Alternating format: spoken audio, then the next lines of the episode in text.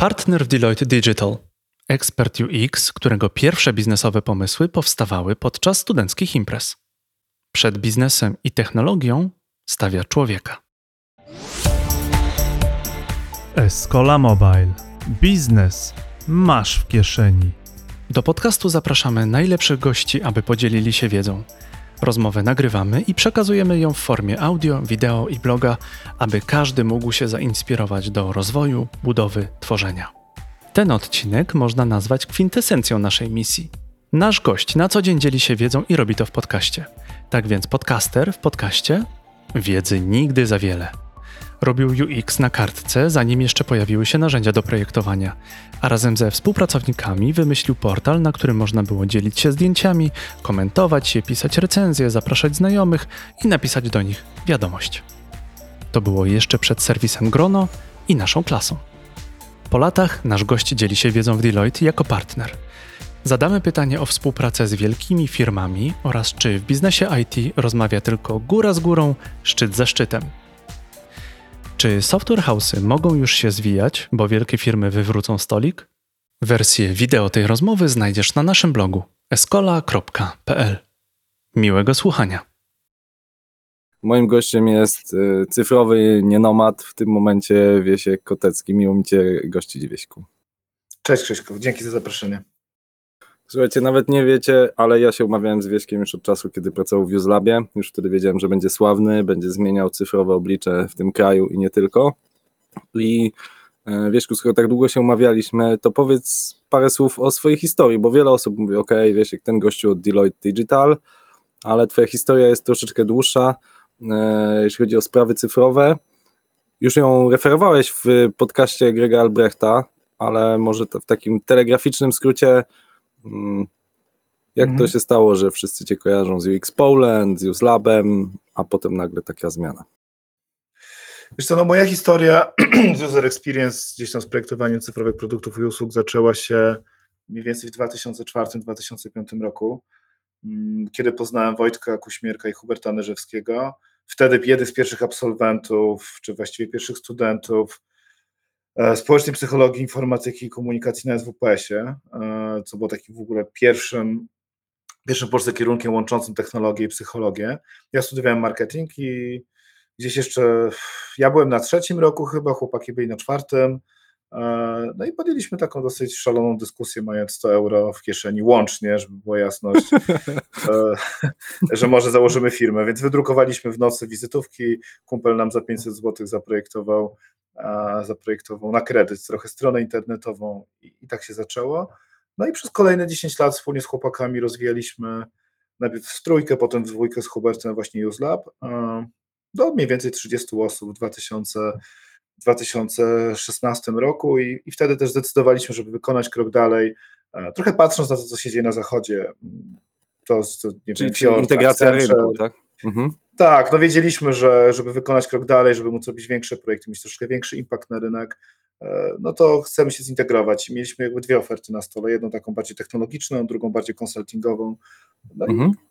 jak widać, poszliśmy tą drogą konsultingową i już szósty rok rozwijam tą praktykę w Tyle Digital. Mhm. Czyli można powiedzieć, że jak zakładaliście firmę, tak, 15 lat temu, to trochę w takim założeniu, że przychodzi ktoś, kto nie wie, że się nie da, w ogóle nie wiedzieliście, z czym to się będzie do końca wiązało, więc potem już poszło trochę metodą, no skoro założyliśmy, to lecimy i tak, i tak okrzepywaliście przez 10 lat właściwie, tak, po drodze jakiś, tak, portal studencki, dużo usług, zagranica, Polska, wszystko jakby w czasach, kiedy to były, to, to, to jak tak w ogóle powiedziałeś, że 15 lat temu studiowałeś coś związanego z UX-em, to ja myślę, że to jest tak jakby teraz ktoś otworzył studia związane z blockchainem albo AI-em, nie? To, to mniej więcej jest taki poziom jakby abstrakcji, albo jeszcze bardziej, nie?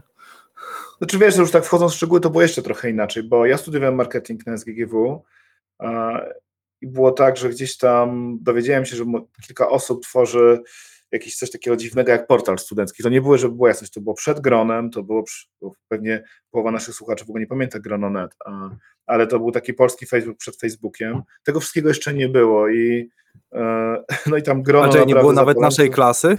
To było jakby jeszcze przed no naszą klasą. To było przed... 4 lata, to były 4 lata przed naszą klasą.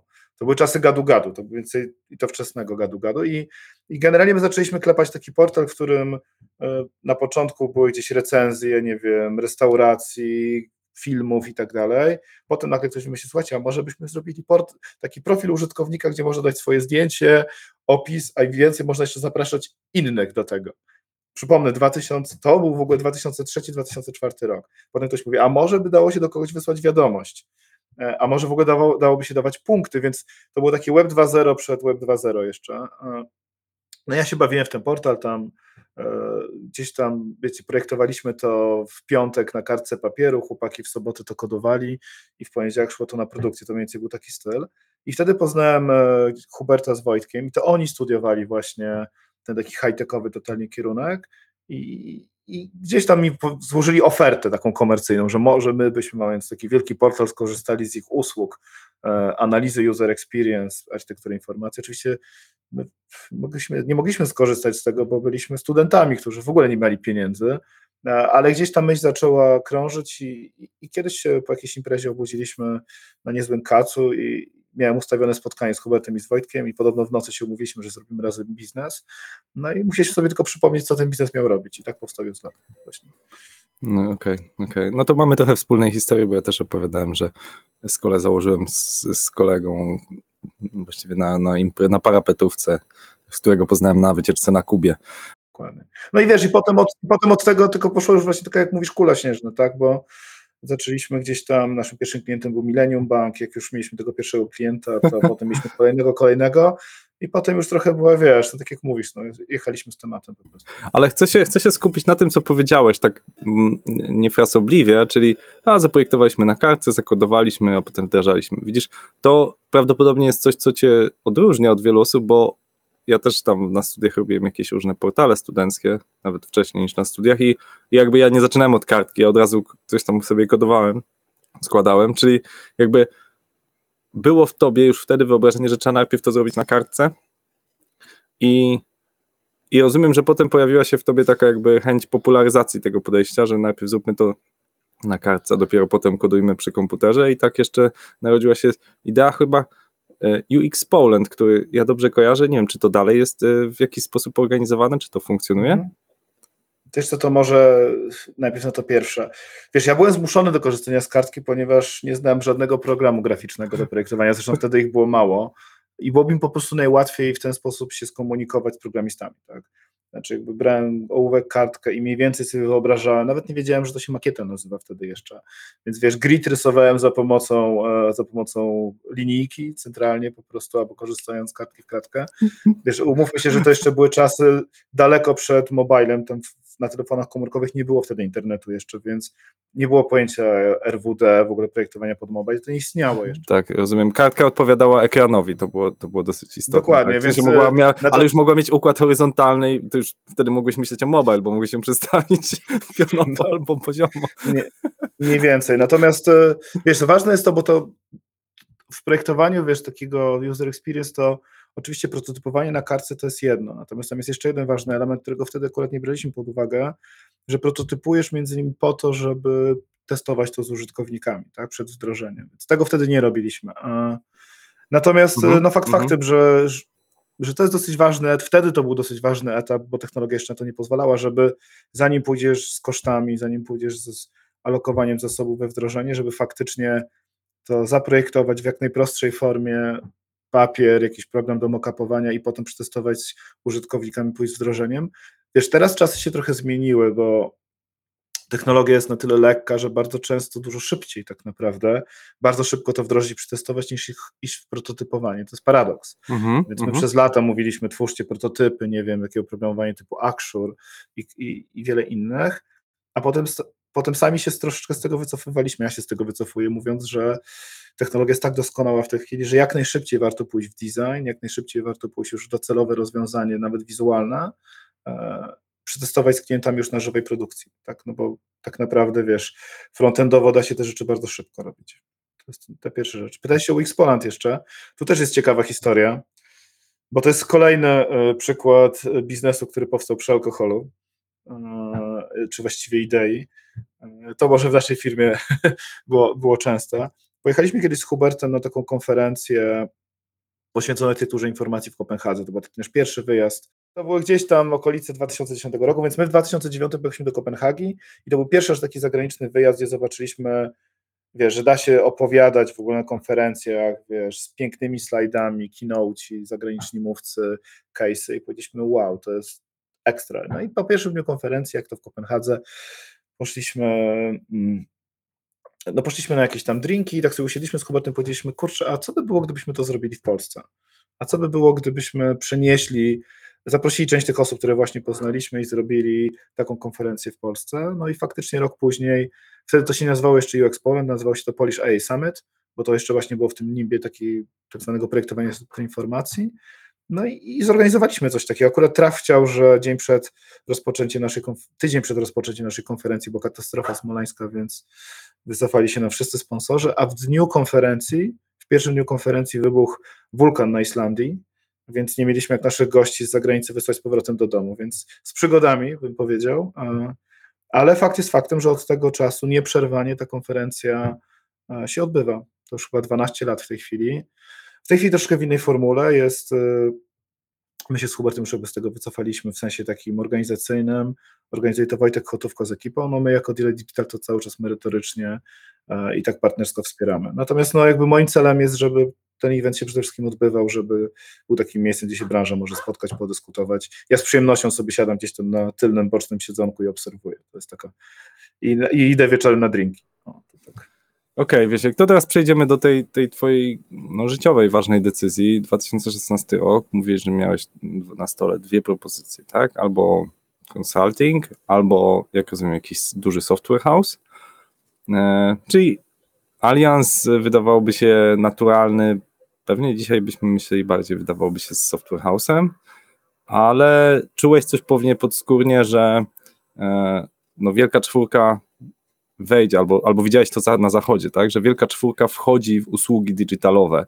Teraz to jakby w 2022 widzimy jak na dłoni, tak, że procesy cyfryzacyjne stały się tak ważnym elementem konsultingu, że to już nie są właśnie połączenia między firmami, tylko właśnie, czy, czy jakieś doradztwo finansowe, tylko właśnie cyfryzacja, która stała się jakby sercem bardzo często doradztwa wielkiej czwórki. Mm. I no, chciałem Cię zapytać, co, co było motywem właśnie takiej decyzji w 2016 roku twojej między tymi dwoma ofertami? Oczywiście to było tak, że to był taki dosyć świadomy proces. Usiedliśmy z Hubertem tam w 2014, 2015 i przede wszystkim zaczęliśmy obserwować sygnały, które się pojawiały w Europie i w Stanach. I, i widzieliśmy, że wszystkie firmy, które były dla nas takimi wiesz, role model, tak, jak nie wiem, Adaptive Path, to goście, którzy w Stanach w ogóle byli prekursorami tego, co my robiliśmy, ich kupił duży fundusz inwestycyjny, taki, taka organizacja finansowa Capital One. I to był taki dla nas pierwszy moment, o kurczę, coś tutaj się ciekawego dzieje. Potem e, chyba rok później Accenture kupił Fjord, czyli też tako, takie międzynarodowe studio designerskie, e, czyli wiesz, tutaj konsulting i, i też widzieliśmy kilka w jednym czasie akwizycji IBM-a, który też zaczął bardzo mocno zatrudniać ludzi stricte związanych z digitalem, powiedzmy też częściowo z UX-em. I, I to była jakby jedna rzecz, dało nam to do myślenia, że ten rynek, skoro ten rynek gdzieś tam na zachodzie nas o ładnych kilka lat wyprzedza, no to pewnie jakby to do Europy też dojdzie.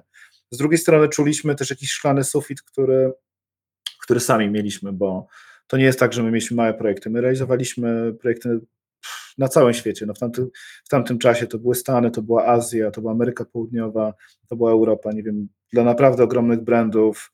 Nie wiem, to był moment, kiedy kończyliśmy wdrażać, czy tam projektować bankowość korporacyjną ING, która potem została uznana za najlepszy system e-bankowości korporacyjnej na świecie. Ale czuliśmy, że jest taki moment, gdzie jakby nie jesteśmy w stanie robić większych projektów. Też firmy, jakby, wiesz, jak mają do czynienia z 30-osobowym studiem, no to nie dadzą ci ogromnych transformacyjnych projektów.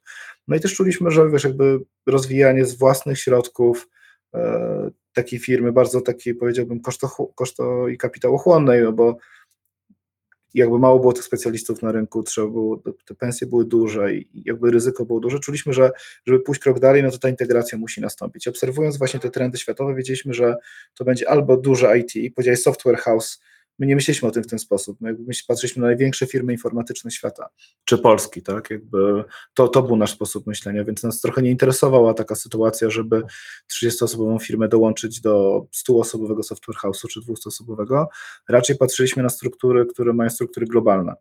że bylibyśmy w stanie też wykorzystać nasze międzynarodowe doświadczenie. E, więc jakby to było jedno. Drugie, no to faktycznie to było obserwowanie Wielkiej Czwórki, czy tam Wielkiej Piątki razem z Accenture. E, tylko wiesz, naszym celem było to, żeby ani razu nie poszliśmy do nikogo z ofertą. Także słuchajcie, chcemy teraz sprzedać udziały. Raczej mhm. robiliśmy takie podejście, żeby to do nas te oferty trafiły. Jasne. Więc mhm. no było mniej więcej rok takich działań przygotowawczych. To, to dobra porada dla wszystkich startupowców, którzy nas słuchają, a wiem, że jest takich, tak? Znaczy zamiast, e, zamiast e, rozsyłać CV, napiszcie sobie na balkonie, słuchajcie, jestem super specjalistą i niech was znajdzie. Mniej, mniej więcej jakby uprasz, uprościłeś to, ale taki mieliśmy ten taki, my mieliśmy bardziej cyfrowy ten balkon, to były różnego rodzaju konferencje, to był mądry PR, to byli nasi mhm. klienci też, to było nawiązanie różnych współprac. Mhm. E, I na samym końcu faktycznie były te dwie oferty. I nie ukrywam, że było tak, że byliśmy w pewnym sensie, my nie mieliśmy preferencji, znaczy wiedzieliśmy, jakie są plusy i minusy obu, natomiast e, powiedziałbym z tym graczem w branży technologicznej się po prostu nie dogadaliśmy. Że po prostu tam koniec końców, już na samym ostatnim, że tak powiem, zakręcie ta oferta została przez nas i przez nich odrzucona. E, I, ale mieliśmy cały czas otwartą ścieżkę tutaj w Digital z Olkiem Cyganem, z którym znaliśmy się od lat w ogóle, Olek był naszym pierwszym klientem, jednym z pierwszych i wtedy było osobą zarządzającą e, Delay Digital w Polsce, zresztą które powstało poprzez akwizycję Digital One Olka Cygana właśnie, tak, więc jakby to jest, tak, to jest taka to była właśnie historia. No i wiesz, i wiedzieliśmy po prostu, że coś ciekawego się w tym digitalu będzie w Deloitte działo. I to co, to, co właśnie powiedziałeś o tej cyfryzacji, no to Deloitte Digital powstał e, globalnie mniej więcej czyli jest teraz 2022, no to tam powiedziałbym 2014-15. Jak my dołączaliśmy, no to wtedy miał mniej więcej 5 tysięcy osób na świecie, jako cała taka powiedziałbym globalna struktura. Tych takich, ale on też powstał poprzez przejęcia właśnie zespołów. W tej chwili to jest ponad 21 tysięcy osób. Także widać, widać też, jak, jak szybko się to rozwija i, i też jak to jest w tej chwili już taką, powiedziałbym, immanentną częścią konsultingu. W ogóle konsulting stał się firmą technologiczną bardzo, a ten digital to już nie jest tam, nie wiem, marketing, jakieś kolorowe rzeczy, reklamy i tak dalej, to są bardzo głębokie, transformacyjne wdrożenia. No właśnie, Wieszku, powiedzmy, bo to dla wielu osób to złapało się za głowę, słysząc to 20 tysięcy osób, ale warto, żebyś powiedział, że to jest nie tylko są usługi UX-owe, projektowania, ale co to jest? Z tego co ja wiem, to tam jest połowa z tych osób to chyba zajmuje się wdrażaniami SAP-a i takimi transformacjami, powiedziałbym, wagi ciężkiej, jakichś ERP-ów, procesów dogłębnie, no bo de facto, przepraszam, że zrobię takie super uproszczenie, przepraszam wszystkich słuchaczy takich, które się zajmują architekturą informacji, ale bardzo często taka dużej skali korporacyjna cyfryzacja e, czy procesy to jest przelewanie jednej bazy danych do drugiej bazy danych i po prostu trochę obrobienie tego. Tak, upraszczam na maksa, ale, ale, ale właśnie chcę, chcę, powiedzieć, że e, jakby natomiast to nie jest wcale łatwe dobranie się do jednej bazy danych i pokazanie tego w tej drugiej bazie danych. To jest ta cała trudność, za którą drogie korporacje płacicie nam, informatykom. I teraz chciałbym, żebyś powiedział, jakby czym, czym, czym dokładnie to jest e, poza SAP-em, poza UX-em. Mhm. Wiesz co, to ja może Krzyk odczaruję. E, odczaruje jakby trochę rzeczywistość i fajnie, że mamy ochotę, e, okazję pogadać, bo, e, bo może warto jakby spojrzeć na to trochę z szerszej perspektywy. To, co powiedziałeś o, o SAP-ie, o tych bazach danych i tak dalej, co do zasady, to jest oczywiście prawda, natomiast patrząc na to, i nie mówię tylko o Deloitte, ale na duże firmy konsultingowe, to w tej chwili consulting generalnie y, cały jest technologiczny. To znaczy, jeżeli sobie spojrzysz na taką typową firmę, taką jak my, mówię o tych dużych, tam powiedzmy Big Four, Big Five, no to e, w ramach niej masz i transformację, nie wiem, i masz transformację procesów biznesowych, nie wiem, masz transformację właśnie, nie wiem, procesów takich wewnętrznych, masz część konsultingu związanych bardziej z human capital, masz część konsultingu bardziej z platformami enterprise i tam właśnie te procesy zazwyczaj dotyczą, wiesz, tych kluczowych platform takich jak ERPy typu SAP na przykład, prawda, jak, nie wiem, bardzo wiele w branży finansowej są to korowe systemy bankowe, korowe systemy ubezpieczeniowe, są to do systemy do zarządzania procesami HR-owymi, tak, i tutaj pewnie, nie wiem, mówisz, nie wiem, o Workdayu, mówisz, nie wiem, o takich, nie wiem, obsłudze wewnętrznych procesów, w tym procesu client service typu ServiceNow, e, tam masz te wszystkie bazodonowe historie, Oracle, IBM i tak dalej tego świata, e, ale to z naszej perspektywy to jest e, jakby cała, to właśnie to robi consulting. Natomiast my jako digital skupiamy się na tych technologiach i na tych procesach, które są jak najbliżej końcowego klienta, jak najbliżej konsumenta. Tak? Czyli tutaj mówimy przede wszystkim o wszystkim tym, co jest procesami sprzedaży, co jest procesami obsługi klienta i procesami komunikacji z klientem. Tak, czyli mówimy tu o personalizacji, mówimy tu o marketingu, mówimy tu o, e, o obsłudze klienta, tak? I, I to jest jakby pierwsza rzecz, tak? I teraz takim globalnym hasłem w ogóle Digital jest Elevating Human Experience. I mówimy, my skupiamy się na trzech rzeczach: na zrozumieniu perspektywy człowieka, na połączeniu tego z perspektywą biznesu i dobraniu odpowiednich technologii, które to wspierają.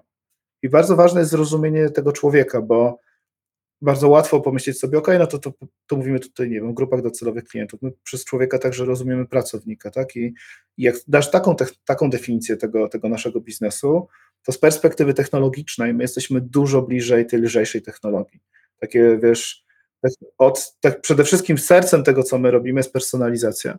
Tak? Czyli jeżeli mówimy o personalizacji i o tym, żeby doświadczenie klienta było spersonalizowane, tak, jakby dla ciebie, Krzysiek, tak, że jakby, żeby firma była w stanie ciebie zrozumieć, tobie sprzedać, ciebie obsłużyć, no to potrzebujesz przede wszystkim, wiesz, systemów klasy, przede wszystkim na samym dole, wiesz, tego tak zwanego złotego grala, czyli to, wiesz, po prostu single, single source of truth, baza danowego na temat człowieka, potem potrzebujesz mądrych systemów klasy CRM, ale takich CRM-ów, wiesz, analitycznych, nad tym potrzebujesz systemów takich, które pozwolą ci tą treść, wiesz, zautomatyzować, jeżeli chodzi o dotarcie, tak? Czyli mówimy tu i o marketing automation, mówimy tutaj i o systemach klasy Salesforce. E, I na samym końcu jeszcze, już wiesz, najbliżej klienta, wszelkie systemy takie, już powiedziałbym frontendowe, tak? Od ekosystemów portalowych przez mobilne, na customach kończąc, więc wiesz, my jesteśmy zdecydowanie dalej od SAP-a, a zdecydowanie bliżej Mówię teraz o Deloitte, no bo my pracujemy gdzieś tam z tymi enterprise'owymi naszymi partnerami, czyli wiesz, jeżeli mówimy, nie wiem, o customer experience, to pracujemy z medalią. Jeżeli mówimy o, o, o portalach, o tej części webowej, no to pracujemy, nie wiem, Adobe, Magento, Apple. Jeżeli mówimy o wiesz, o marketing automation, no to cały ekosystem Google'a e, chociażby, tak, e, nie wiem jeszcze, jeżeli chodzi o, o te rzeczy bardziej CRM-owe, no to dla nas jednym z najbardziej naturalnych partnerów oczywiście jest Salesforce, nasz jeden z globalnych najważniejszych partnerów. I, i teraz jakby patrząc na te 20 tysięcy osób, o których wspomniałem, no to tam masz, musisz, żeby móc dostarczyć takie projekty, no to musisz mieć bardzo różne kompetencje. To, co ja, to, co, czym najbliżej ja się zajmuję, czyli to tak zwane Customer Strategy and Design, to, to są cyfrowi strategzy, to są ludzie od Customer Experience, to są designerzy, e, te osoby, które tłumaczą tak naprawdę tą perspektywę człowieka na design i na potrzeby biznesowe. Tak? To jest jedna grupa.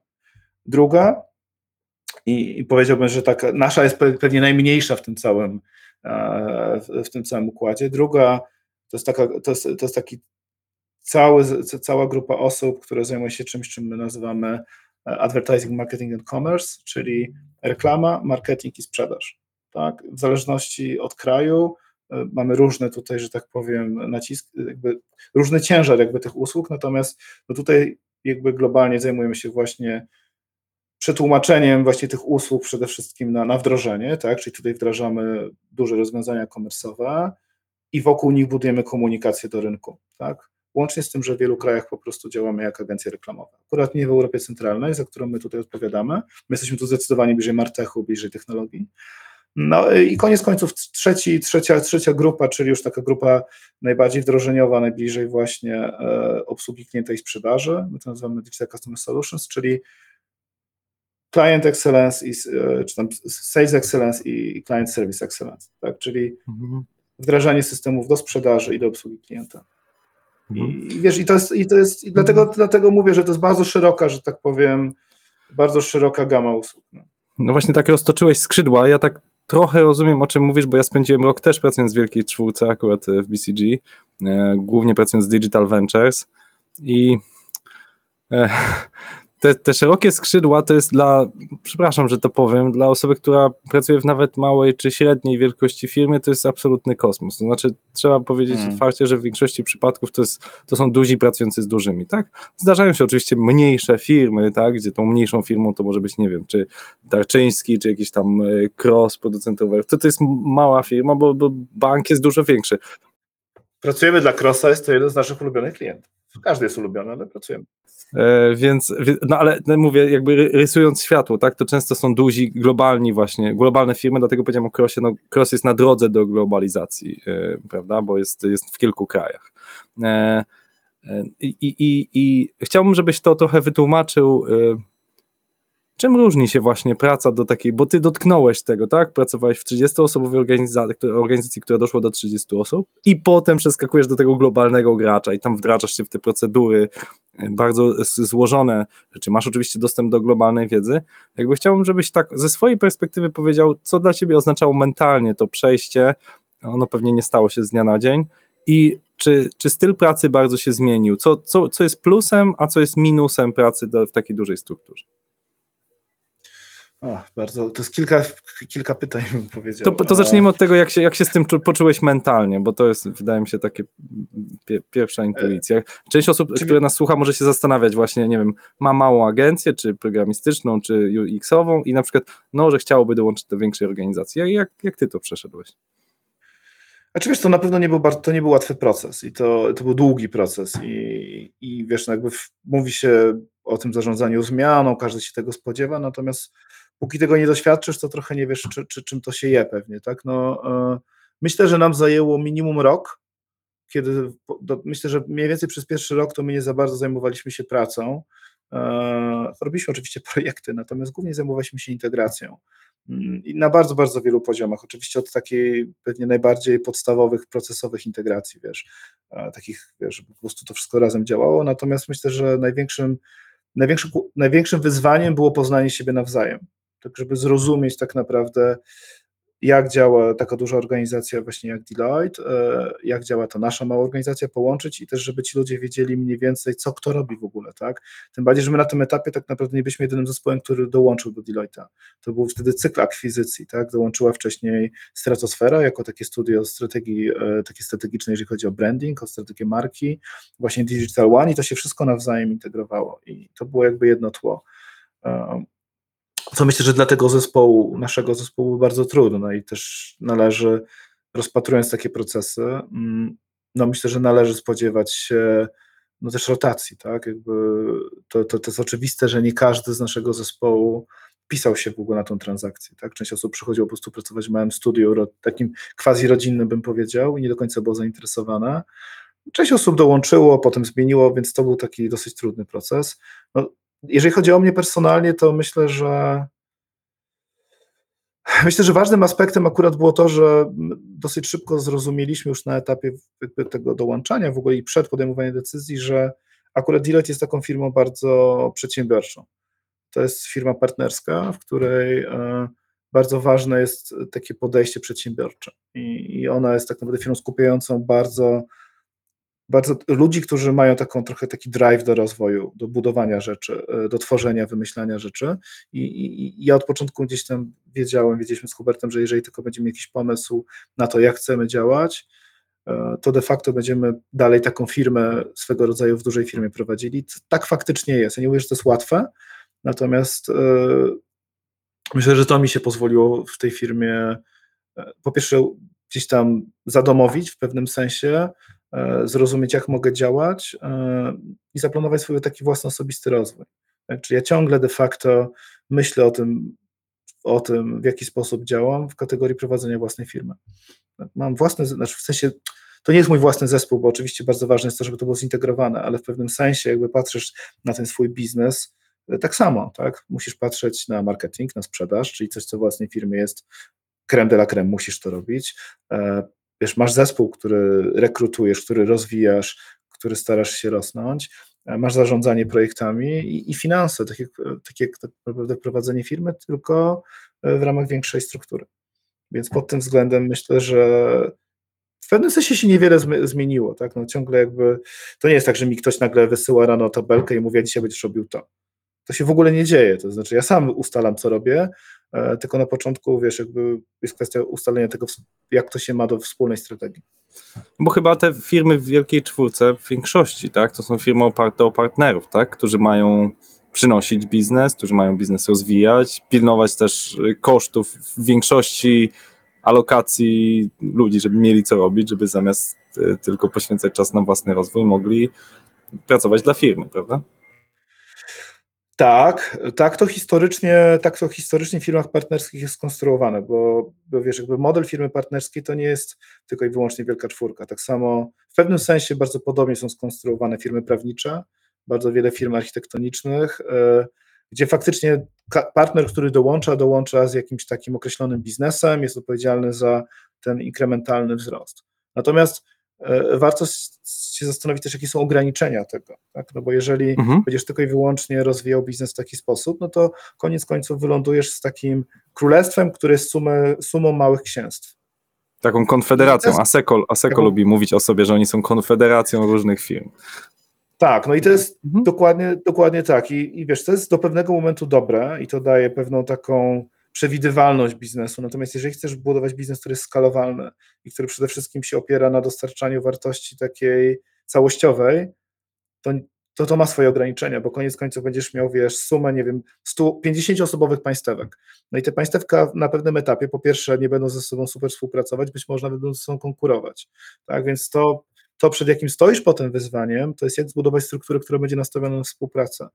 I, I właśnie to jest coś, co, czym my w Deloitte Digital bardzo mocno pracujemy, że e, okej, okay, jest nas, e, jest nas e, tych, tych partnerów, no do tej pory było troje, w tej chwili w tej chwili już pracujemy bardzo mocno nad zwiększeniem tej liczby, ale zakładając, że stanie 3, 5, 7 osób, to jak stworzyć strukturę, która nie będzie miała 100 osób, tylko będzie miała 300-500, prawda? No i to, co nam się udało zrobić, to mm, mieliśmy taki duży moment zmiany, kiedy Janek Michalski objął objął e, jakby leadership właśnie na tyle digital, to już było, o Jezu, 4 lata temu.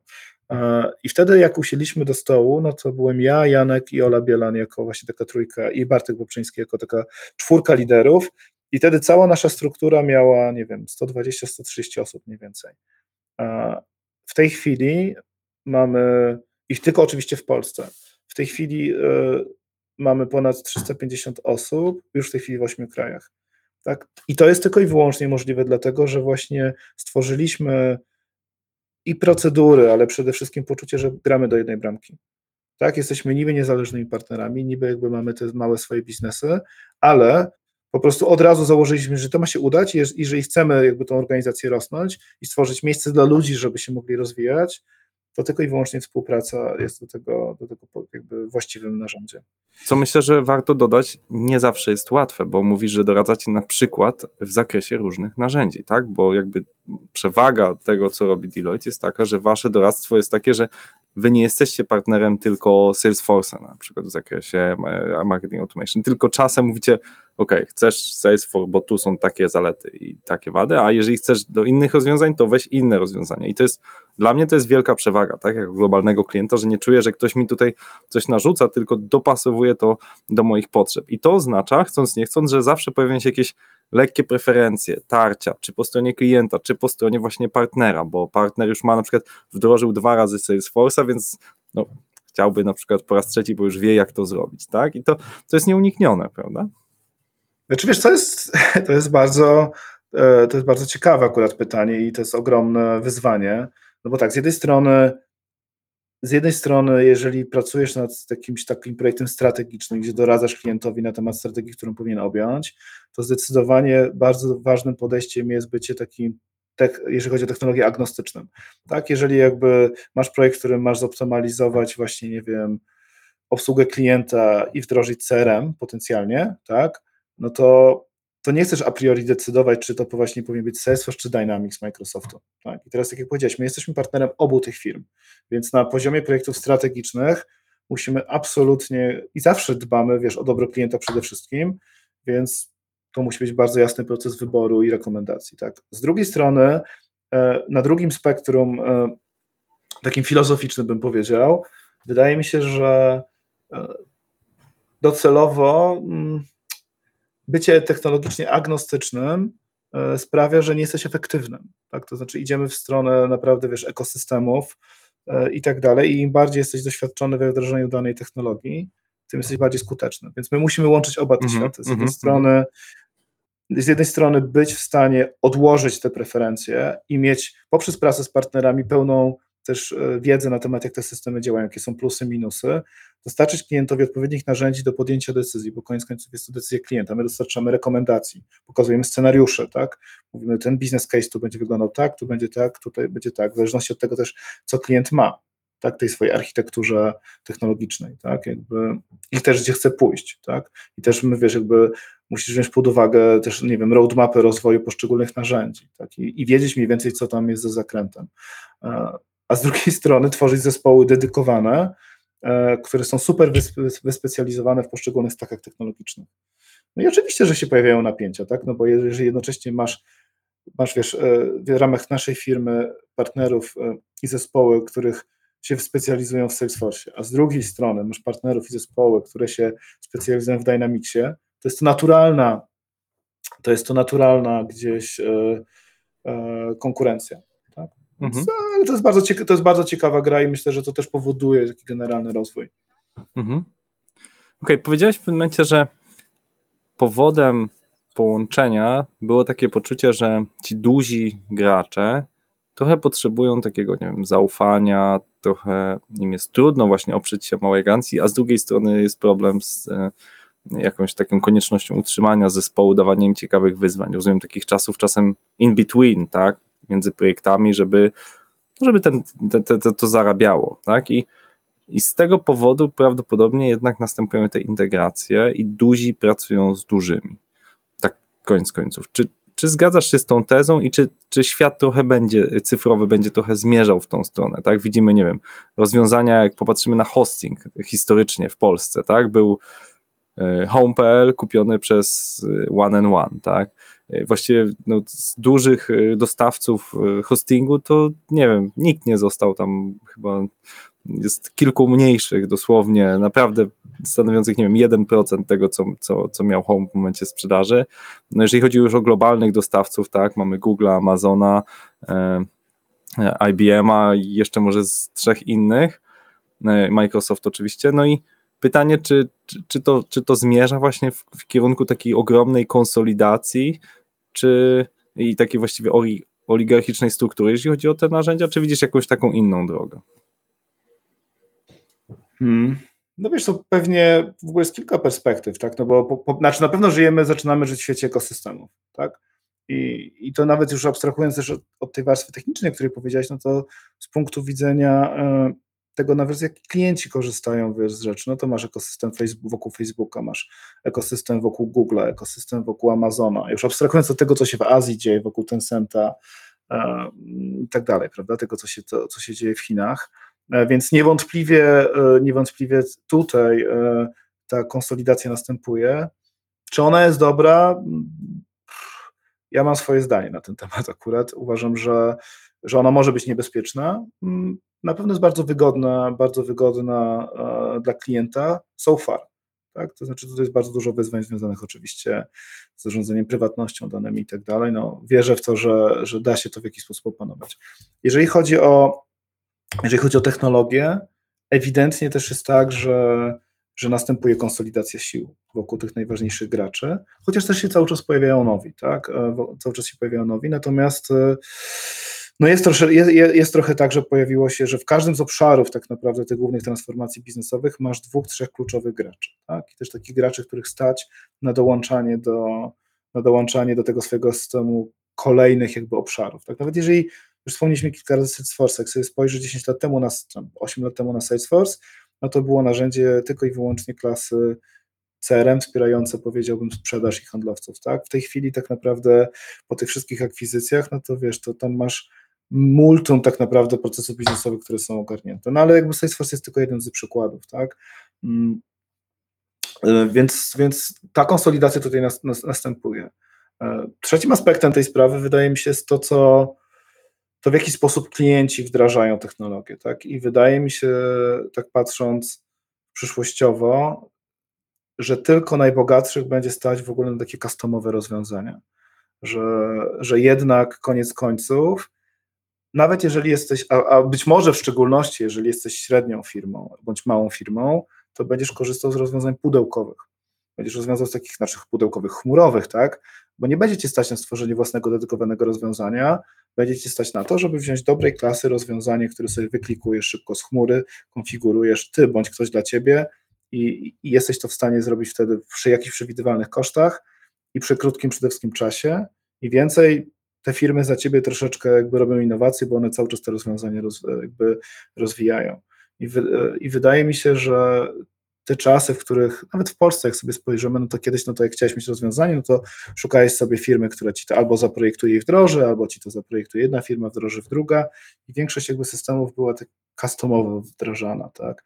Nieważne, czy mówiliśmy tutaj o portalach, czy o aplikacjach, nie wiem, systemach transakcyjnych, czy wewnętrznych wdrożeniach, większość jednak e, to były mniejsze customowe wdrożenia i, i, i wydaje mi się, że nie będzie nas na to stać, że presja czasu jest tak duża, że nie będziesz czekał rok, półtora, dwa lata, żeby robić jakiś wielki waterfallowy projekt, raczej będziesz korzystał z, z, dużych rozwiązań, co implikuje trochę to twoje ostatnie pytanie, czy duzi pracują z dużymi? No myślę, że duzi jednak pracują z dużymi co do zasady przy tych dużych projektach właśnie z powodów, o których mówiłem, tak? czyli po pierwsze jest to szybciej, po drugie jest to bardziej przewidywalne, po trzecie też mam w przyszłości specjalistów, którzy będą to w stanie rozwijać, tak? czyli też jest jakby dostępność zasobów, które znają daną technologię. I to wszystko byłoby pięknie, tylko ta rzeczywistość byłaby nudna. A rzeczywistość nie jest nudna. I rzeczywistość, która chce mieć innowacje, potrzebuje też innych rozwiązań. Więc wydaje mi się, że za każdym razem, kiedy będziemy dochodzili wiem, do jakiejś integracji na rynku, nawet patrząc na tą branżę UX-ową, tak? Większość mojej starej konkurencji już się połączyła z większymi graczami, co sprawiło, że się pojawili nowi gracze mali na rynku, tak? Bo nagle się okazało, że jest zapotrzebowanie na rynku ciągle na małe studia, które robią butikową robotę i super, tak? I pewnie ten cykl znów będzie się gdzieś tam powtarzał. I, I, teraz, czy duzi pracują tylko z dużymi? Według mnie nie. Według mnie każda duża firma będzie, po, będzie szukała małych, sprytnych, bardzo zmotywowanych firm, e, zespołów, które zrobią coś kompletnie niestandardowo. Czyli nie będą miały, wiesz, tego kolejnego wdrożenia, tylko będą podchodzić do pewnego pomysłu, nie wiedząc, że się nie da. Tak? Więc e, i wydaje mi się, że to jest bardzo ważne, tak? No bo koniec końców właśnie E, gdyby nie tacy wariaci i wariatki, to, to by ta rzeczywistość się nie zmieniała. Tak? I pewnie część tych zespołów znów będzie sobie rosło, rosło, rosło, być może łączyło się z innymi zespołami, być może dołączało do tych firm, bo to też jest taki ważny trend, o którym warto powiedzieć, że, że bardzo często integracja następuje nie w ramach jakby, nie wiem, firma designerska i software house, tylko na przykład software house, który jest kupowany przez po prostu końcowego klienta. No, jak spojrzysz sobie, nie wiem, na zakupy, na które się wybierają takie firmy jak Allegro, e, takie firmy jak Żabka i tak dalej, no to bardzo często do nich dołączają po prostu firmy, nie po to, żeby pracować dla innych firm, tylko rozwijać technologię bądź jakiś proces w ramach właśnie dużego gracza. Mhm, tak, tak, mamy coraz częściej do takiej integracji wgląd. A powiedz, ponieważ masz bardziej globalną perspektywę niż większość e, moich rozmówców, to znaczy pracujesz z klientami z całego świata i e, sporo mówimy o, o jakichś różnicach kulturowych, też w kontekście technologii. Wspomniałeś w Azji, e, Tencent jest bardzo silny, no tam na przykład to, to jak wyglądają płatności, tak, w Chinach, no to, to, jest, to jest zupełnie inny świat, zupełnie bezgotówkowy świat, QR-owy świat i tam inni gracze no, są hegemonami, a ci, którzy nam się wydają, że są hegemonami, nie mają aż tak silnej pozycji. Mm, chciałem Cię zapytać, po pierwsze, jakie są te, te różnice, które Ty dostrzegasz i jak właśnie, jak, jak tym zarządzać, tak? Czy jest, czy jest na to jakiś sposób, że na przykład macie ofertę osobną tam Asia, osobną Europe, osobną, nie wiem, właśnie nie wiem, Central Asia, jak to działa? Nie, wiesz co, takiej oferty nie mamy, w sensie chyba na poziomie, znaczy takiej, wiesz, żeby sobie tak podzielić. Ta oferta jest raczej tak tworzona, że wiesz, my jesteśmy podzieleni na jakieś takie klastry, Mhm. E, I per poszczególne rynki, e, wręcz per poszczególne kraje, partnerzy pracujący na danych rynkach po prostu wiedzą, co jest najlepsze dla ich klientów. Wiedzą, co jest najlepsze e, dla firm, z którymi pracują, tak, dla osób, z którymi pracują. No i gdzieś dostosowują ten sposób komunikacji tego, E, tego, co my globalnie robimy. Tak, oczywiście jest tak, że my gdzieś tam nada, jest nadany jakiś kierunek, tak, no jakby przewidujemy, co będzie ważne, w co warto zainwestować swój czas, pieniądze, w rozwój których elementów naszej oferty. Natomiast e, jakby bardzo ważne jest, żeby być elastycznym i jak to się nazywa po angielsku, ciągle nie wiem, jakie jest dobre słowo po polsku, relevant to the market, tak? To znaczy jakby żeby na posz, wręcz poszczególnym kraju po prostu mówić językiem i mówić komunikacją, która jest e, odpowiednia dla tego kraju. I która Być, być, blisko, to- e, być blisko rynku chyba u nas się mówi. Dokładnie tak, tak, no właśnie o to chodzi, żeby być blisko rynku, tak? No to jest strasznie trudne oczywiście, tak? Natomiast tu akurat ten układ partnerski jakby pomaga, Mhm. tak? Mhm. No bo my jako partnerzy po prostu mamy swoich klientów, rozmawiamy z nimi cały czas, taka jest nasza rola, no i gdzieś jakby to, tłuma, gdzieś to tłumaczymy. Natomiast tu myślę, że ważne jest to, żebyśmy też, wiesz, to nie dotyczy tylko naszej firmy, to większość firm globalnych, żebyś też tworzyć jakieś takie na poziomie centralnym, tak zwane asety, tak? czyli coś, co jesteś w stanie głównie technologicznego wykorzystać e, Mhm. na lokalnych rynkach do szybkich wdrożeń, tak? jakąś metodologię, e, jakiś framework, coś, coś gotowego. E, Czyli takie półprodukty, jak ja to mówię, tak? takie, tak, takie półprodukty, ale takie, taką mądrość zapakowaną w pudełko, żeby nie Mhm. wyważać otwartych drzwi. Czyli kupujesz takie pudełko, wyciągasz sobie takie pudełko, którym już coś te drzwi wyważył, 15 razy Mhm. się, wiesz, pomylił i jesteś w stanie działać wtedy szybciej. Mhm, e, mhm. Jeżeli chodzi o te różnice kulturowe, no to jest, tu nie wiem, czy jestem w stanie takiej jakiejś sensownej odpowiedzi od, od, udzielić. No jakby trochę wspomniałeś o tym, że te rynki po prostu działają kompletnie inaczej, tak, jakby ta, wiesz, to, co się dzieje w Chinach w ogóle pewnie jest na osobny podcast, prawda, i ja nie wiem, czy my do końca tu w Europie jesteśmy w stanie zrozumieć, jak ten rynek chiński działa, te, wiesz, te mega aplikacje, ale Mhm. cała jakby technologia w ogóle współzarządzana przez, przez państwo i dzięki temu tam jest tysiąc rzeczy możliwych, które w Europie nigdy nie będą możliwe, tak, e, bo po prostu u nas prawodawstwo na to nie pozwala. E, Nie pozwala na to zarządzanie danymi, na tak głęboką personalizację, ale też na tak głęboką integrację. Tak? No jeżeli to wszystko tam jest integrowane w ramach jednej aplikacji de facto, e, no to, to po prostu jesteś wszystko w stanie wyklikać po prostu z jednej apki. Tak? Więc to jest jakby jedna kwestia. Plus to, co powiedziałeś o bezgotówce, no na rynku chińskim po prostu gotówka jest za droga, tam, tam jej nie ma, tak? no bo nawet nie jesteś w stanie dystrybucji zrobić tego papieru, więc tam i pokrycie wcześniej e, kartami też nie było jakoś takie specjalnie duże, bo znów jest to za drogie, w związku z tym oni w pierwszym momencie, kiedy byli w stanie pójść w mobile, a każdy ma telefon, no to to było wiadome, że to jest dla nich bardzo naturalne. Tak, plus te QR-kody, o których wspominałeś. No to jest, to jest, to jest ciekawe, wiesz, no. My sporo, my, wiesz, my akurat mój zespół najwięcej my pracujemy gdzieś na rynku europejskim, tak, czy Europy Zachodniej, czy, czy Skandynawii, na rynku amerykańskim. I tutaj mm, myślę, że te różnice nie są tak znaczące. Tak? Oczywiście jakieś tam są, natomiast no myślę, że to jest gdzieś tam podobna, po, po, podobna jednak kultura. Myślę, że oczywiście bardzo ciekawe są po prostu różnice pracy z różnymi krajami. Tak? Kompletnie inaczej pracujesz z Francuzami, kompletnie inaczej pracujesz z Niemcami, Szwajcarami, a kompletnie inaczej gdzieś bardziej z południowcami, czy z Hiszpanii, z Włoch, czy z Grecji. Daj mi jakiś przykład, e, an anonimowy może być. Wiesz co, to są od takich podstawowych rzeczy, jak wiesz, świadomość tego, gdzie są siesty w poszczególnych krajach, jakie są więcej godziny pracy, przez, yy, przez wiesz, jakby no, zrozumienie na przykład, nie wiem, yy, wiesz, takich rzeczy, czy wiesz, to na przykład bardzo często jest bezpośredniość komunikacji, tak? Nie wiem, jeżeli pracujesz z ludźmi z Wielkiej Brytanii, no to oni, wiesz, jakby są zawsze bardzo mili, zawsze się bardzo ładnie uśmiechają, bo w Anglii nie wypada pewnych rzeczy mówić, co nie zmienia faktu, że być może oni są bardzo niezadowoleni z tego, co akurat robisz. Tylko im brytyjska taka rezerwa nie pozwala tego powiedzieć, no i tam trzeba rozumieć, co się dzieje, wiesz, co się dzieje, że tak powiem, w kuluarach, tak? Kompletnie inaczej pracujesz, nie wiem, w tej kulturze, e, na przykład, wydaje mi się, że nam jako Polakom jest najbliżej do kultury niemieckiej, e, zresztą chyba mi się najlepiej w ogóle z Niemcami pracuje, są bardzo konkretni, bardzo bezpośredni, bardzo e, tacy otwarci i transparentni, a jednocześnie poukładani tak? Wiesz, i teraz to jest jakby kolejna rzecz. No jak spojrzysz sobie z kolei na kultury, na kultury właśnie południowe, no to bardzo łatwo Włochów i Hiszpanów włożyć do jednej, do jednej szufladki, ale oni są kompletnie inni tak naprawdę, tak jakby kompletnie inaczej te projekty są poustawione, wiesz, w Hiszpanii też ze względu nawet na siestę i tego, jak oni pracują w ciągu dnia, kolej kompletnie inny, wiesz, do tego i ta maniana cała, a Włochy i Grecja to są dwa kompletnie inne światy, tak? Z czego z, z, mi na przykład z Grekami się i z ich poziomem już takiego e, luźnego podejścia do wielu tematów, e, czasami są to wyzwania, tak? Więc to jest ciekawe. Myślę, że najważniejsze tutaj to jest takie podejście takie bardzo empatyczne. Żeby przede wszystkim rozumieć po prostu, że bardzo wiele tych, nie wiem, gdzieś takich typowych wyzwań na projektach jest związane po prostu z komunikacją.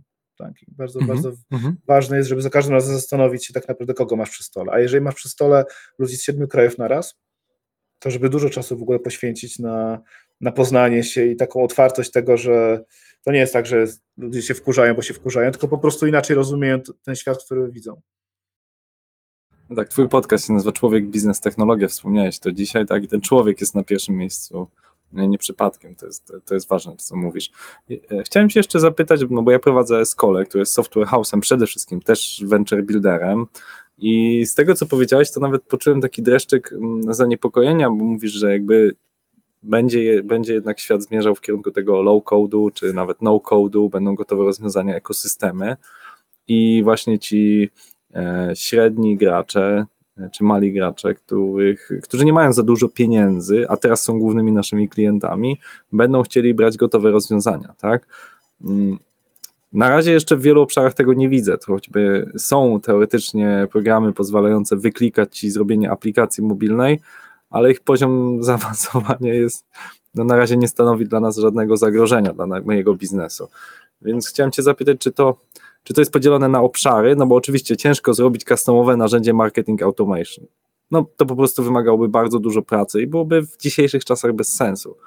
E, Natomiast no, zaprojektowanie bardzo wielu integracji nawet, tak? Czyli nie wiem, mamy sklep, taki jak Biedronka, który chce zrobić swoją aplikację, więc ona musi e, zaciągać pewne dane z jednego systemu, coś tam musi wysyłać do systemów kasowych, musi na bieżąco zarządzać promocjami i tam mógłbym wymieniać wiele rzeczy, jakieś tam lojalność Mhm. musi się pojawić, więc jest to na tyle złożone i tam niby nic nowego nie piszemy, ale na tyle dużo rzeczy trzeba, tyle dużo kropek trzeba połączyć, że właśnie taka Escola jest tutaj e, dobrym, e, dobrym rozwiązaniem jako ten, nazwijmy to, integrator wielu gotowych rozwiązań.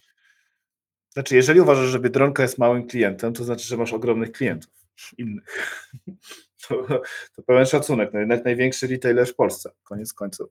No, nie wiem, czy to jest do końca trafiony przykład, Krzysiek, no bo jakby to jest ogromna firma, też firma bardzo skomplikowana, z ogromną siecią fizycznych sklepów, systemami informatycznymi, które mają, wiesz, wiele, wiele lat i zresztą to też jest nasz klient i zresztą przy samej aplikacji też mocno, jak wiesz, e, byliśmy zaangażowani.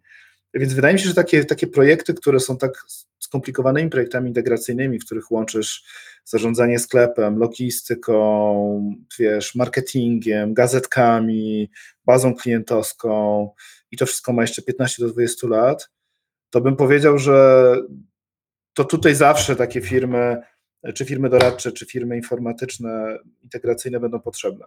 Tak? No bo to jest zbyt skomplikowane so far, tak? No chyba, że cała infrastruktura pójdzie kiedyś do chmury, ale to 100, 100, 100 lat jeszcze, tak? Więc, więc wydaje mi się, że tutaj na pewno tak. Co do mniejszych klientów, no wydaje mi się, że, że, że gro procesów jednak będzie zunifikowanych. Tak mi się wydaje, że ja raczej przewiduję, że pewnie to, co mówisz, to wyklikiwanie bardzo wielu rzeczy, to jest jeszcze w tej chwili pewnie niedoskonałe, albo tego w ogóle nie ma. Mi się wydaje, że gdzieś tam powiedziałbym, takie firmy, już nie chcę się do Escoli odnosić jakby, tak, ale generalnie firmy, takie mniejsze studia, no będą raczej skupiały się na tej warstwie frontendowej, że, że te takie grubsze procesy właśnie, procesy CRM-owe, komersowe i tak dalej, no to wiesz, to nie będzie potrzeby projektowania dla większości firm wdrażania, nie wiem, kolejnego koszyka, czy kolejnego checkoutu, czy, czy kolejnego procesu zwrotu, zwrotu towarów w e-commerce, tak, czy, czy reklamacji, tak, no bo po prostu już to zostało tyle razy zaprojektowane, wdrożone i tak dalej, że być może nie tutaj taki sklep internetowy, czy taka firma będzie szukała przewagi konkurencyjnej. Rozumiesz, tak, że jakby... Klienci też przyzwyczajają się do pewnego standardu, tak, to zna, takiego Dokładnie. standardu obsługi, tak, w sensie jak jedziemy do jakiegoś sklepu, czy to nie wiem, Wobis, czy jakiegoś tam Sferis, czy Komputronik, to oczekujesz, że tam wybierasz towary, one się dodają do koszyka, na koniec klikasz, ok, tam albo się rejestrujesz, albo bez rejestracji i pyk, kupujesz. I jakby człowiek Dokładnie, nie chce, prawda? żeby to nagle zaczęło migać i wiesz, wyglądać jak po prostu chiński, yy, wiesz, chiński festiwal. Exactly. No, wiesz, wiesz, no tutaj powiedziałbym, że płatności są dobrym przykładem, tak? Co do zasady, jakby wiesz, kupujesz produkt, jak przychodzisz do płatności, to naprawdę chcesz to mieć jak najszybciej z głowy, najlepiej sposób, jaki znasz. Dlatego między innymi Blik jest takim hitem chociażby, prawda? Że jakby to jest tak prosty proces, który praktycznie jest seamless, jest u wszystkich taki sam. Yy, Więc to jest, to jest, to jest jedna rzecz. Natomiast wiesz, no na pewno wszystkie te biznesy, które opierają opierają, e, opierają gdzieś tam swoją przewagę na user experience, nie wiem, jakieś właśnie dedykowane usługi w ramach aplikacji, jakieś tego typu rzeczy, no to one będą customowe. Tak? One oczywiście będą customowe. Tak? Mm, Bo, bo po prostu nikt nie będzie wcześniej inwestował w ich zrobienie. Tak? Natomiast te rzeczy, które są pod spodem właśnie, no to wydaje mi się, że je będziesz raczej gdzieś tam brał z pudełka. Mhm. A też fajnym przykładem takim ostatnim, który obserwuję, jest to, co robi e, Grzesie Kruk z, ze swoim wiem, który tak naprawdę na przykład właśnie zaprojektował firmę wokół bardzo jednego krótkiego procesu i robi, my zrobimy Mhm. najbardziej Mhm. odjazdowy, fajny, skuteczny, UX-owo po prostu checkout i możesz go sobie od nas wziąć i wkleić po prostu, tak? To jest taka droga, którą widzę. Mhm. Mhm. E, Chciałbym, żebyś jeszcze powiedział taką myśl, jak widzisz ten świat technologii w ciągu najbliższych lat. Mam na myśli właśnie tych procesów digitalizacyjnych. To znaczy, czy, czy są jeszcze branże, które Twoim zdaniem jakby nie ulegną gwałtownym przyspieszeniom, bo na przykład dobrze się mają, nie będąc do końca cyfrowe. No, jak, nie wiem. Ja patrzyłem w czasie pandemii na. Jak, jaki przykład mam na myśli? Jak patrzyłem w czasie pandemii że wiele biznesów się zamykało, ale wiele z nich zareagowało w sposób taki bardzo sprytny. Czyli mój warzywniak powiedział: Możesz nam wysłać SMS-a, my ci przyniesiemy, tak, twoje owoce i warzywa, i jakby to była ich digitalizacja. W ogóle super genialna, nie wymagająca instalacji czegokolwiek. Nie? I, I nadal, jak idziemy do restauracji, to mimo wielu prób aplikacji do, nie wiem, zamawiania jedzenia w restauracji, jakimiś tam QR-kodami, rezerwowania stolików, jednak nie odniosło sukcesu, bo chcemy mieć ten experience integracji z kelnerem. Było wiele, jest nadal wiele robotów, które robią ci drinki, ale nadal wolisz tam barmankę czy barmana, który ci tego drinka robi. Więc chciałbym Ci zadać takie przewrotne pytanie, czy widzisz obszary jako ekspert od digitalizacji, które się tak wcale nie chcą zdigitalizować i my też nie chcemy ich digitalizować? Fajne pytanie. Mm, Wiesz, ja jestem fanem technologii, ale jestem jeszcze większym fanem bycia człowiekiem. I szczerze mówiąc, jakby z dużym niepokojem myślę o świecie, w którym wszystko będzie zdigitalizowane. I bardzo bym nie chciał, żeby ani ja, ani moje dzieci i kolejne pokolenia w takim żyły. Tak? Gdzie już wspomniałeś, nie wiem, o tych drinkach, o, o tym kelnerze i tak dalej. No Kurczę, fajnie, gdybyśmy jednak tych interakcji z ludźmi mieli jak najwięcej, żeby to był taki ludzki świat. Mm, Chociaż wiesz, no pewnie bardzo wiele procesów, e, pewnie bardzo wiele procesów zostanie ucyfryzowanych, bo po prostu e, albo ludzie ich nie chcą wykonywać, albo też no, te wyzwania na rynku pracy są takie, że po prostu nie będzie tych ludzi, tak? I też zresztą nie ma potrzeby, żebyśmy, żebyśmy takie, takie procesy, wiesz, jak obsługa klienta w call center, jak, jak właśnie, mm, nie wiem, wszystkie, wszystkie tego typu rzeczy ciągle jakby załatwiali z ludźmi. Wydaje mi się, że wszystkie w tej chwili mm, technologie głosowe i AI jest to w stanie doskonale, doskonale zastąpić, szczerze mówiąc. No właśnie w zeszły czwartek opublikowany nasz odcinek podcastu właśnie z, na ten temat z przedstawicielem polskiej firmy V, która po prostu, wiesz, zastępuje call center za pomocą hostów, takich botów, tylko oni to nazywają hostami, które robią to dużo skuteczniej ni- niż ludzie, więc jakby to jest, to jest, to jest, to jest jedna rzecz.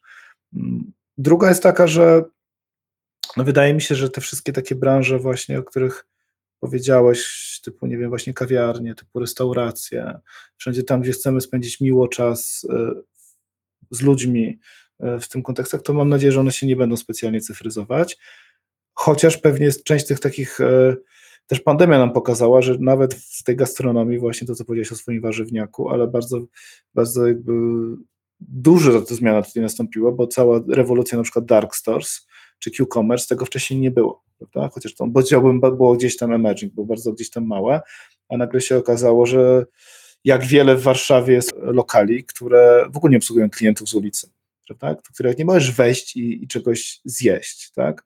Bo one są przygotowane tylko po to, żeby obsługiwać zamówienia online.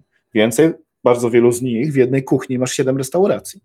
Tak, Tak, albo osiem, tak, tak. tak? tak. E, Osiem brandów, które mają tylko zunifikowany proces zamawiania, natomiast kucharze robią osiem rzeczy.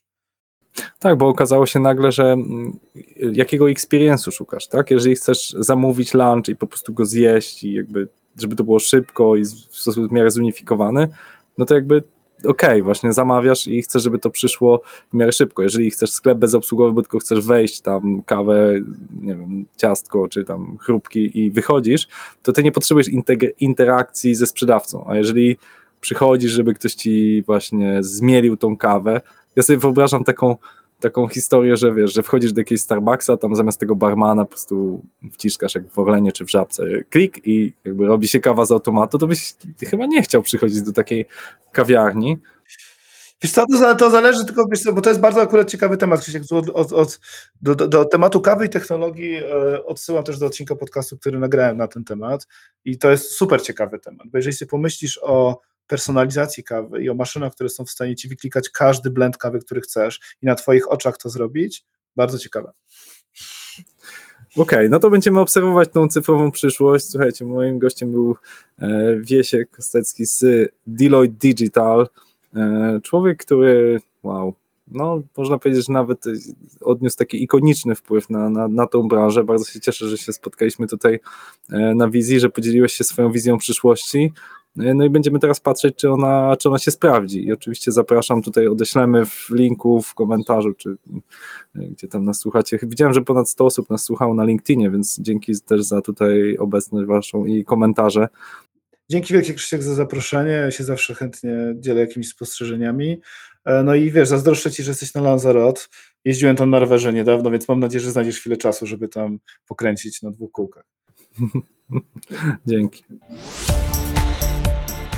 Escola Mobile. Biznes masz w kieszeni.